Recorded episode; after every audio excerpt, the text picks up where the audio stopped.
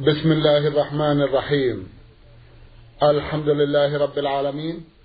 والصلاة والسلام على نبينا وسيدنا محمد وعلى آله وصحبه وسلم. مستمعي الكرام السلام عليكم ورحمة الله وبركاته. وأسعد الله أوقاتكم بكل خير. هذه حلقة جديدة مع رسائلكم في برنامج نور على الدرب. رسائلكم في هذه الحلقة نعرضها على سماحة الشيخ عبد العزيز ابن عبد الله بن باز المفتي العام للمملكة العربية السعودية ورئيس هيئة كبار العلماء. مع مطلع هذه الحلقة نرحب بسماحة الشيخ ونشكر له تفضله بإجابة الإخوة المستمعين فأهلا وسهلا. حياكم الله وبارك فيك. حياكم الله. أولى رسائل هذه الحلقة رسالة وصلت إلى البرنامج. من إحدى الأخوات المستمعات تقول المرسلة ألف ألف ميم. أختنا رسالتها مطولة بعض الشيء تقول فيها إنني مصرية الجنسية ومقيمة مع زوجي في المملكة بالمنطقة الشرقية لعامي الأول وأرغب في أداء فريضة الحج رغبة شديدة هذا العام مع أنني حامل الآن وإن شاء الله في شهر ذي الحجة سوف أكون في بداية الشهر التاسع الأخير للحمل. وحيث أن زوجي وبعض الأخوات يردن تأجيل الحج هذا العام خوفا من متاعب الحمل أثناء السفر وأداء المناسك. وهدانا الله إلى أن نرسل إلى برنامجكم هذا لتتفضلوا بإرشادنا. جزاكم الله خيرا. بسم الله الرحمن الرحيم. الحمد لله وصلى الله وسلم على رسول الله. وعلى آله وأصحابه ومن اهتدى بهدى أما بعد إذا كان الحال ما ذكرته السائلة وأن الشهر التاسع يوافق شهر ذي الحجة فإننا ننصح بتأجيل الحج هذا العام إلى العام القادم إن شاء الله. لأن وقت الحج وقت ثقل الحمل نعم. وخطر الولادة. نسأل الله للجميع التوفيق. اللهم آمين. جزاكم الله خيرا وأحسن إليكم. إذا تؤجل هذا إلى نعم. عام قادم ننصح بتأجيله. بارك الله ننصح بتأجيله إلى العام القادم إن شاء الله. يحفظكم الله. جزاكم الله خيرا وأحسن إليكم. بعد هذا رسالة وصلت إلى البرنامج من المستمع يوسف عثمان. يوسف من المنطقة الشرقية أيضا يقول أسأل فضيلتكم عن هذا الموضوع. كثيرا ما نشد مع بدو الرحل من منطقة الربع الخالي متجهين شمالا. وطبعا نحن في السيارات. وكل يوم نمشي مسافة عشرين كيلو وما فوقها قليلا. وأحيانا ننزل قبل منتصف النهار. فهل يجوز لنا القصر مع العلم بأن الرحلة سوف تستغرق شهرا؟ وجهونا. جزاكم الله خيرا. إذا كانت الرحلة إلى مكان بعيد ثمانين كيلو فأكثر نعم. فإن هذا سفر. طيب.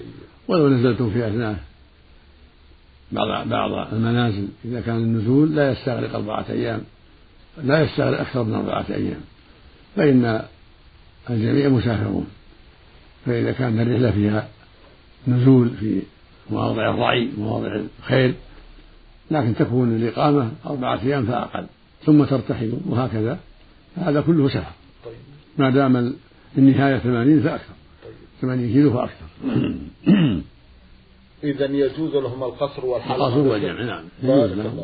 في منازلهم. بارك الله إذا كان المنزل لا يستغرقون فيه أكثر من أربعة أيام يومين ثلاثة. نعم. أربعة ثم يرتحلون يعني أن نزولهم لا يزيد على أربعة أيام. ثم يرتحل إلى المحل الثاني وهكذا. طيب. جزاكم الله خيرا وأحسن إليكم. يقول ونحن في حالتنا هذه يأتينا أي من العيدين؟ ونؤدي صلاتها كصلاة المقيمين فهل عملنا هذا صواب؟ صلاة العيد والجمعة في حق المقيمين ليس عليكم عيد. أنتم البدو الرحل والمسافرون ليس عليهم عيد ولا جمعة. بل يصلون صلاة المسافرين وليس عليهم عيد. نعم. جزاكم الله خيرا وأحسن إليكم. بعد هذا رسالة بعث بها مستمع رمز إلى اسمه بالحروف حانون خاء. يقول إنني شاب متزوج ولي طفل وكنت أعمل ذنبا من الكبائر وندمت عليه وتحسرت. يقول إنني شاب متزوج ولي طفل وكنت أعمل ذنبا من الكبائر وندمت عليه وتحسرت. وعملت جاهدا ألا أكرره فلم استطع. ومن شد ومن شدة حبي لزوجتي وابني حلفت بالطلاق ثلاثا وقلت لو عملت كذا فأنت علي كظهر أمي ونذرت بألا أعمله وكانت نيتي هي المنع عن فعل هذه الكبيرة. وبعد فترة من الزمن فعلتها ولكن بعدها تبت إلى الله وندمت كثيرا. فأرجو من سماحتكم هذا الأمر إن كان علي كفارة أو غير ذلك حتى لا أستمر في غضب الله سبحانه وتعالى. جزاكم الله خيرا وأحسن إليكم. أيضا. يقول إنني شاب نعم. ولي طفل. وكنت أعمل ذنبا من الكبائر. وندمت عليه وتحسرت. وعملت جاهدا ألا أكرره. فلم أستطع. ومن شدة حبي لزوجتي وابني حلفت بالطلاق ثلاثا وقلت لو عملت كذا فأنت علي كظهر أمي. ونذرت بألا أعمل وكانت نيتي هي المنع عن فعل هذه الكبيرة. وبعد فترة من الزمن فعلتها ولكن بعدها تبت إلى الله وندمت كثيرا فأرجو من فضيلتكم توضيح الأمر إذا كان علي كفارة وغير ذلك حتى لا أستمر في غضب الله سبحانه وتعالى. جزاكم الله خيرا. الجواب عليك التوبة إلى الله من جديد من عملك الأخير عليك التوبة إلى الله النصوح بالندب على ما فعل ما وقع منك والإقلاع من ذلك والعزم الصادق ألا تعود في ذلك. عليك التوبة النصوح بالندم على ما فعلت والإقلاع والحذر والعزم الصادق ألا تعود هذا الذنب الذي ذكرت. أما الطلاق فعليك كفارة يمين. الطلاق والنذر عليك كفارة يمين. لأنك قصدت المعنى. الطلاق وبالنذر تقصد من ذلك الامتناع من هذا المنكر. فهذا له حكم اليمين في أصح قول العلماء. فعليك كفارة يمين عن طلاقه ونذرك وهي إطعام عشرة مساكين أو كسوتهم. عشرة. كل واحد له نصف الصاع كيلو ونصف. عن كل عن كل كل واحد. أو كسوة كل واحد له قميص أو إزار رداء كل واحد من العشرة. عن التطليق والنذر المعلقين بالعودة إلى المنكر. لأنك قصدت الامتناع ولم تقصد الطلاق ولم تقصد النذر. أما الظهار فعليك كفارة الظهار. كل ظهرت منها عليك كفارة الظهار. وهي عتق رغبة. مؤمنة فإن عجزت فصوم شهرين متابع ستين يوما قبل أن تقربها فإن لم تستطع تطعم ستين مسكينا ثلاثين صاع. كل مسكين له نصف الصاع كيلو ونصف كل واحد. ستين مسكين ستين ثلاثين صاع. أو تسعين كيلو كل واحد له كيلو ونصف. من قوت البلد من تمر أو أرز أو حنطة مع التوبة كما تقدم والاستغفار والندم. جزاكم الله خيرا وأحسن إليكم. إحدى الأخوات المستمعات رمزت إلى اسمها بالحرف نون. تقول توصل العلم حديثا إلى تركيب جسر في الأسنان يعمل على تلاصقها ببعضها. فهل يجوز للإنسان؟ توصل. توصل العلم حديثا إلى تركيب جسر في الأسنان يعمل على تلاصقها ببعضها. فهل يجوز للإنسان أن يضع هذا الجسر ليسد الفلجة بين أسنانه وتصبح متلاصقة أم أنه يعتبر تغييرا لخلق الله لا أعلم بهذا شيئا يعني هذا ليس من التفليج طيب. ليس هذا من التفليج ولكن هذا عمل آخر فإذا كان ينفع يحصل به المطلوب فالحمد لله نعم. جزاكم الله خيرا وأحسن إليكم. ما حكم وضع المكياج على وجه المرأة إذا كانت لا تبدو للأجانب وإنما تظهر أمام النساء؟ المكياج إذا كان لا يضر وجهها لا بأس به. لكن تزيله عند الوضوء إذا كان له جسم يمنع الماء. أما إذا كان يضر وجهها يسبب مرض أو بقع سوداء أو ما أشبه ذلك فإنها تتركه. لأن حينئذ فيه مضرة. أما إذا كان يجمل وينور ولكن لا يضر فلا بأس. جزاكم الله خيرا وأحسن إليكم. أيضا في باب الطلاق مستمع يسأل ويقول أرجو أن تفيدوني بأنني كنت حلفت على زوجتي. وقلت لها علي الطلاق ما انت رايحة منزل والدك ثم راحت منزل أبيها. وهذا اليمين تكرر خمس مرات. وأيضا يمين قلت لها ما أنت نايمة في المنزل. وقع هذا اليمين علي مع العلم أنه حصل في أول الزواج وبعد مرور هذا الوقت أنجبت منها طفل وأنا تبت ولله الحمد فما هو توجيهكم؟ إذا كان المقصود منعها من المراح والنوم فعليه كفارة يمين ويكفي والحمد لله.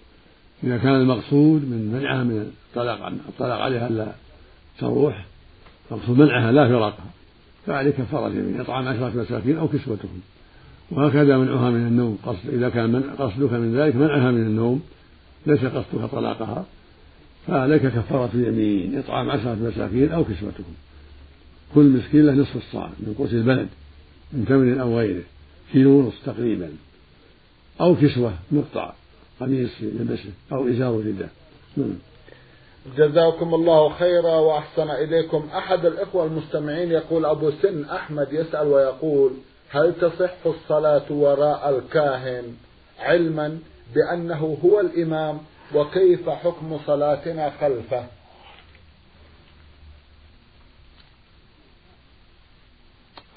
الكاهن هو الذي يدعي علم المغيبات. ويصدق الشياطين الجن فيما يقولون فلا يتخذ إمام ولا يصلى خلفه. فإن كنت أردت بالكاهن شخصا آخر بين في سؤال آخر. أما الكهنة فهم هم الذين لهم أصحاب من الجن يصدقونهم في علوم الغيب ويدعون علم الغيب بأسبابهم ويأتيهم الناس يسألونهم عن حاجاتهم. هؤلاء لا يجعلون أئمة ولا يصدقون.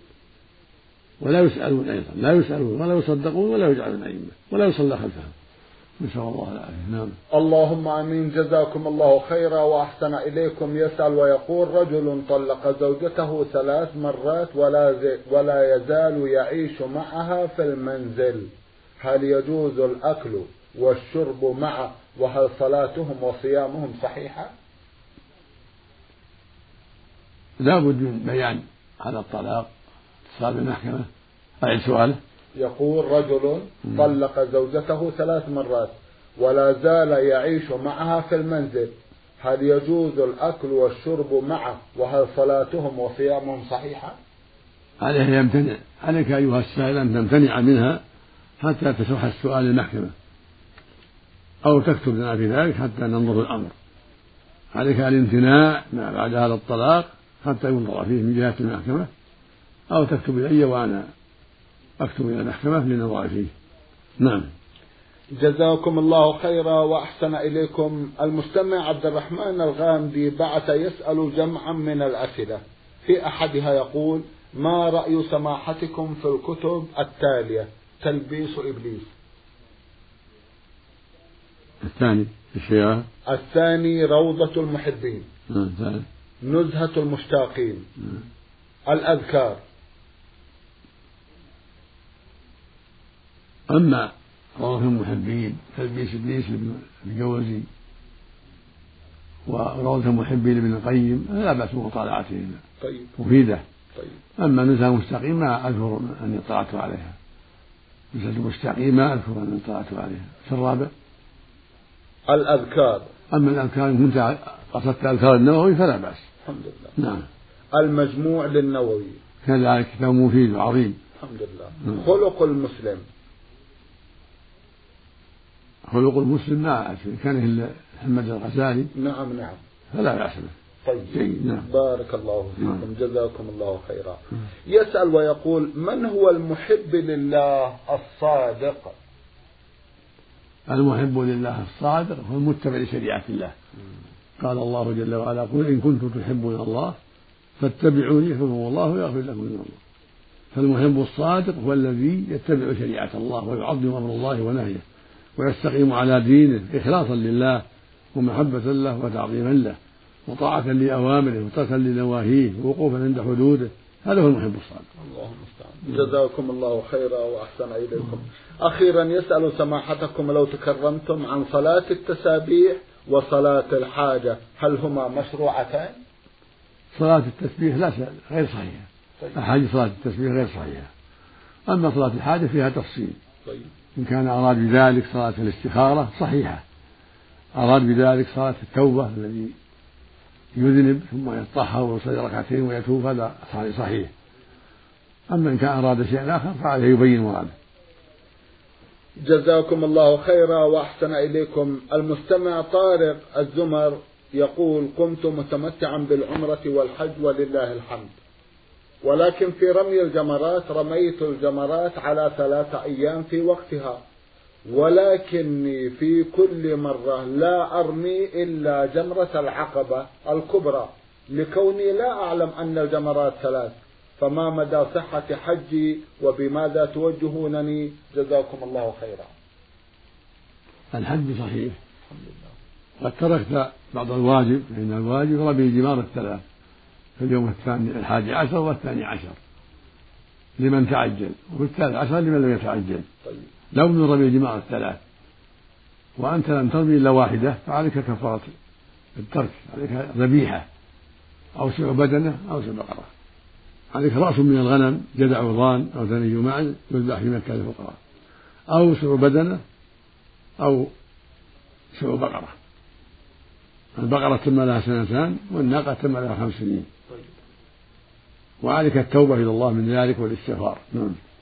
جزاكم الله خيرا وأحسن إليكم. أيضا مستمع آخر يقول خالد حلمي من قرية سلام.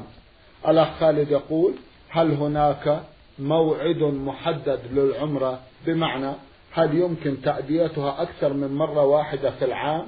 وهل تجوز كلما نويت الذهاب إلى الحرم الشريف العمرة ليس لها وقت محدد طيب. بل في جميع السنة. مثلا يسر الله للعبد الذهاب إلى مكة وعند العمرة فهو مطلوب طيب. لكنها لا تجب إلا مرة في العمر. لا تجب إلا مرة في كالحج طيب. مرة في العمر. طيب. وما زاد على المرة فهو سنة. جزاكم الله خيرا وأحسن إليكم. هل يصح الحج لمن عليه دين وكذلك العمرة؟ نعم يصح الحج ويصح العمرة لمن عليه دين. حجه صحيح إذا أدى على الوجه الشرعي. وعمرته صحيحة إذا على الوجه الشرعي. لكن الواجب يبدأ بالدين. إذا كان الدين حال نعم. وأهله لا يسمحون الواجب المدافع طيب. أما إن كان مؤجل ما يحل بعد الحج أو أهله يسمحون معروفون يسمحون له يحج فلا حرج في ذلك. بارك الله فيكم جزاكم الله خيرا. هل يصح الحج قبل العمرة أو لا بد من الحج أولا؟ يصح قبلها وبعدها. الحمد لله. الحج يصح. قبل العمرة وبعدها والعمرة كذلك قبل الحج وبعده الحمد لله, الحمد لله. جزاكم الله خيرا وأحسن إليكم. سمحت الشيخ كثير من إخواننا يأتون إلى الحج لكنهم يخطئون كثيرا. حتى إن البعض منهم يسعى بين الصفا والمروة قبل أن يطوف بالبيت. هل من كلمة لمن يريد الحج والعمرة؟ نعم. نوصي من يريد الحج والعمرة بالتفقه في الدين طيب. بس بالتعلم مراجعة المناسك المعتمدة حتى يعرف الحج ويعرف العمرة مثل منسك شيخ الإسلام ابن تيمية طيب. مثل منسك الذي كتبنا في هذا التحقيق والإيضاح نعم. منسك الشيخ عبد الله بن ياسر وأشبه من المناسك التي كتبها المشايخ يراجعها ويتأمل ويستفيد ويسألها العلم طيب. قبل أن يحج وقبل أن يعتمد حتى يؤدي العمرة على بصيرة والحج على بصيرة نعم جزاكم الله خيرا وأحسن إليكم من منطقة جيزان رسالة بتوقيع إحدى الأخوات تقول قاف حاء عين. تقول إنني امرأة متزوجة وقد هداني الله سبحانه وتعالى إلى عبادته والمحافظة على الصلوات المكتوبة والنوافل وصلاة الضحى وصلاة الليل وطاعة زوجي والبر بالوالدين. وكنت أشعر بالخشوع والخوف عند الصلاة. وعندما أسمع الآيات القرآنية أو الأحاديث المشتملة على الترهيب والترغيب عن الجنة والنار أو عذاب القبر أو الآخرة عموما إلا أنني يا سماحة الشيخ أصبحت منذ فترة لا أشعر بذلك الخشوع والخوف عندما يمر بي ذكر شيء من ذلك الذي شرحته سابقا. أرجو إفادتي عن سبب عدم خشوعي مع أنني ما زلت أحافظ على الصلاة المكتوبة والنوافل كما أرجو إرشادي إلى كيفية التغلب على نفسي حتى يعود إلي الخشوع كما كان سابقا. جزاكم الله خيرا. نوصيك بالإكثار من ذكر الله وسؤاله أن يمنع يعمر قلبك بخشيته وتعظيمه؟ فلعله عرض لك شيء من أمور الدنيا أو المشاغل الزوجية أو البيتية أو ما أشبه ذلك. فنوصيك بالضراعة إلى الله وسؤاله أن يعمر قلبك بخشيته وتقواه وتعظيمه. ونوصيك أيضا بالإكثار من قراءة القرآن والإكثار من ذكر الله عز وجل وتسبيحه وتهليله فإن هذا من أسباب خشوع القلب ورجوع الحالة الطيبة السابقة. يا الله جزاكم الله خيرا نعم. وأحسن إليكم. أحيانا تنتاب الإنسان قسوة قلب سماحة الشيخ هل من كلمة جزاكم الله خيرا؟ نعم. قد تكون هذه قسوة إما بسبب ذنب فعله عصي معصية فعلها قد تكون بأسباب غفلة وإعراض قد تكون بأسباب مجالسة للأشرار قد تكون بأسباب مشاغل أهل البيت إلى غير ذلك.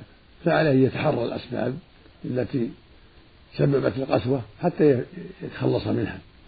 يتحرى وينظر ويحاسب نفسه حتى يبتعد عن تلك الأشغال أو تلك الأسباب التي سببت القسوة. والغفلة يحفظ عن بعض الصالحين عبارة مفادها أن المعصية تقول أختي أختي. والحسنة تقول أختي أختي. هل تتفضلون بشرح هذه العبارة سماحة الشيخ؟ نعم جاء عن بعض السلف هذا المعنى نعم. ومعنى ولفظ آخر. إن من ثواب الحسنة الحسنة بعدها. ومن عقاب السيئة السيئة بعدها. فالمقصود أن المؤمن ينبغي له أن يجتهد في مواصلة الحسنات والأعمال الصالحات ويجتهد في ذلك حتى تكون سجية له. وإذا وقعت السيئة فليحذر أن يصلها بأخرى وليتوب وليبادر بالتوبة حتى لا تكون سيئة أخرى أو سيئة ثالثة. فإن الشيطان يجره إلى السيئة إذا فعل السيئة جره إلى السيئات الأخرى. والملك يجره إلى الحسنة إذا فعل حسنة فالملائكة تملي عليه الحسنة. فهو في هذه الحال يجتهد في متابعة الحسنات والإكثار من ذكر الله والحذر من الشواغل وعليه يحذر السيئات. من فعل السيئة فلينتبه وليتوب وليحذر أن يتبعها بأخرى. جزاكم الله خيرا وأحسن إليكم. من مكة المكرمة رسالة بعث بها المستمع إبراهيم صالح مصطفى. الأخ إبراهيم يقول إذا قام الرجل يصلي هو وزوجته فهل تقف الزوجة على يمينه أم خلفه؟ وما هو الترتيب للرجل وزوجته والأطفال الذين لم يبلغوا الرشد بل دون التاسعة وما حولها؟ هل يكون خلف الإمام ثم النساء أم كيف توجهوننا؟ جزاكم الله خيرا. إن صلى وحده وصلت وحدها فلا بأس. طيب. كان بيصلي وحده ثم يوقظ عائشة. بالإيثار ولم يحفظ عنه فيما نعلم أنه صلى بها عليه الصلاة والسلام ولا بغيرها من نسائه. وإن صلى بامرأته تكون تكون خلفه. إذا صلى الإنسان بزوجته أو بغيرها من النساء يكون خلفه. لا يقف لا عن يمينه ولا عن شماله. بل تكون المرأة خلف الرجل سواء كان زوجة أو أما أو غير ذلك. وأما الصبيان فإن كانوا قد بلغوا سبعا يصفون خلفه. سبعا فأكثر. طيب. وهكذا البنات بنات سبع فأكثر كلهن خلفة طيب. لا يصفن مع الرجل يكون خلفة لكن الصبيان يكون خلفة أما إن كان واحد فإنه يصف عن يمينه كالرجل كما صلى ابن عباس عن يمين النبي صلى الله عليه وسلم وهو لم يبلغ طيب. فالمقصود أن الصبيان لهم حالتان إذا كانوا اثنين فأكثر نعم فالسنة خلف الإمام فإن كان الصبي واحدا فإنه يصف عن يمينه كالرجل عن يمين الإمام طيب. أما النساء سواء كن كثيرات أو قليلات يكون خلف الإمام وهكذا واحدة تكون خلف الإمام ولو كان زوجها. لا تقف معه. نعم. جزاكم الله خيرا. إذا كان الأطفال صبيان وصبايا من السابعة حتى العاشرة مثلا كيف تكون صفوفهم؟ جزاكم الله خيرا. يصفون خلف الإمام إذا كمل الصف الأول كمل الصف الثاني ولو أنهم صبيان سبعة فأكثر طيب. والبنات خلفهن. صفوف خلفهن أيضا. إذا الأولاد يلون الإمام ثم البنات خلفهن ثم البنات والنساء. صفوف نعم. بارك الله فيكم. لكن الكبار الكبار مقدمات على الصغار نعم نعم. إذا صفوا جميعا فلا بأس لكن إذا جاء الكبار صفوا فالبنات خلفهن إذا يكون وإن اختلطوا في الصف فلا بأس. بارك الله فيكم. جزاكم الله خيرا. لكن يكن خلف الصبيان. الصبايا؟ النساء خلف الصبيان. بارك وإن الله كن كبيرات. طيب طيب. جزاكم الله خيرا. إذا أحدث الإمام في الصلاة كيف يكون خروجه حتى يحل محله إمام آخر؟ أم يكمل الصلاة؟ أم يعيد؟ ثم إذا لم يكن هناك من هو أهل لمن يخلفه فكيف يكون التوجيه؟ نعم نعم. إذا أحدث الإمام في الصلاة. كيف يكون خروجه؟ حتى يحل محله إمام آخر؟ أم يكمل الصلاة؟ أم يعيد؟ وحي أم أم يتصرف تصرفا آخر علما بأنه ليس هناك من يخلفه ويكون كفءا للإمامة. إذا أحدث في الصلاة يقطعها. ويقول لهم انتظروا لي ويذهب ويتوضأ ثم يستأنف الصلاة من أولها. من أولها. يستأنفها من أولها. أما إذا كان هناك من يقوم مقامه فإن يقول تقدم له فلان أو يأخذ بيده يقدمه حتى يكمل بهم الصلاة. ولما طعن عمر رضي الله عنه أخذ بيد عبد الرحمن وقدمه وصلى بالناس عليه رضي الله عنه. فالمقصود أنه إذا أحدث في الصلاة يقطعها ولا يكملها ويقدم من يصلي بالناس ويكمل به من تيسر وإلا فإنهم ينتظرونه ثم يعود ويستأنف بهم الصلاة. جزاكم الله خيرا وأحسن إليكم. إحدى الأخوات تقول جيم سين من جدة بعثت تسأل وتقول لي ابن عم وأقول له أخي وعيالي يقولون له خالي وليس لنا قريب سواه. تربيت أنا وهو سواء هل يجوز أن أكشف عليه؟ وهل يجوز لبناتي مصافحته والكشف عليه؟ وماذا يقولون له من جهة القرابة؟ وجهونا جزاكم الله خيرا. ابن العم ليس محرما. وليس خالا لبناتك. عليك وعليك عليك وعليهن الاحتياج عنه. وإن تربى عندكن. التربي يكون يكون تربى في البيت لا يكون أخا لك ولا خالا لأولادك وبناتك. ولكنه ابن عم على حاله ابن عم يحتجب عنه ولا يجوز لك الخلوة به ولا لبناتك. نعم. جزاكم الله خيرا. هل استعمل الحمرة وبعض المساحيق أم أنه لا يجوز؟ لا مانع من استعمال المساحيق. والحمرة في الشفة والمساحيق التي تنور الوجه وتزينه ولا تضره. إذا كان ما فيها مضرة نعم. لا بأس أن تستعملها مرة في وجهها في بدنها لا بأس. أما إذا كان فيها مضرة فلا يجوز فعلها. وإن كان لها جسم فتزال عند الوضوء. إذا كان لها جسم يمنع الماء نعم. يزال عند الوضوء. نعم. جزاكم الله خيرا وأحسن إليكم سماحة الشيخ في ختام هذا اللقاء أتوجه لكم بالشكر الجزيل بعد شكر الله سبحانه وتعالى على تفضلكم بإجابة الأخوة المستمعين وآمل أن يتجدد اللقاء وأنتم على خير. نسأل الله هذا مستمعي الكرام كان لقاؤنا في هذه الحلقة مع سماحة الشيخ عبد العزيز ابن عبد الله بن باز المفتي العام للمملكة العربية السعودية ورئيس هيئة كبار العلماء. شكرا لسماحة الشيخ. وأنتم يا مستمعي الكرام شكرا لحسن متابعتكم. ونحن نرحب برسائلكم على عنوان البرنامج. المملكة العربية السعودية الرياض الإذاعة برنامج نور على الدرب. مرة أخرى شكرا لكم مستمعي الكرام. وإلى الملتقى. وسلام الله عليكم ورحمته وبركاته.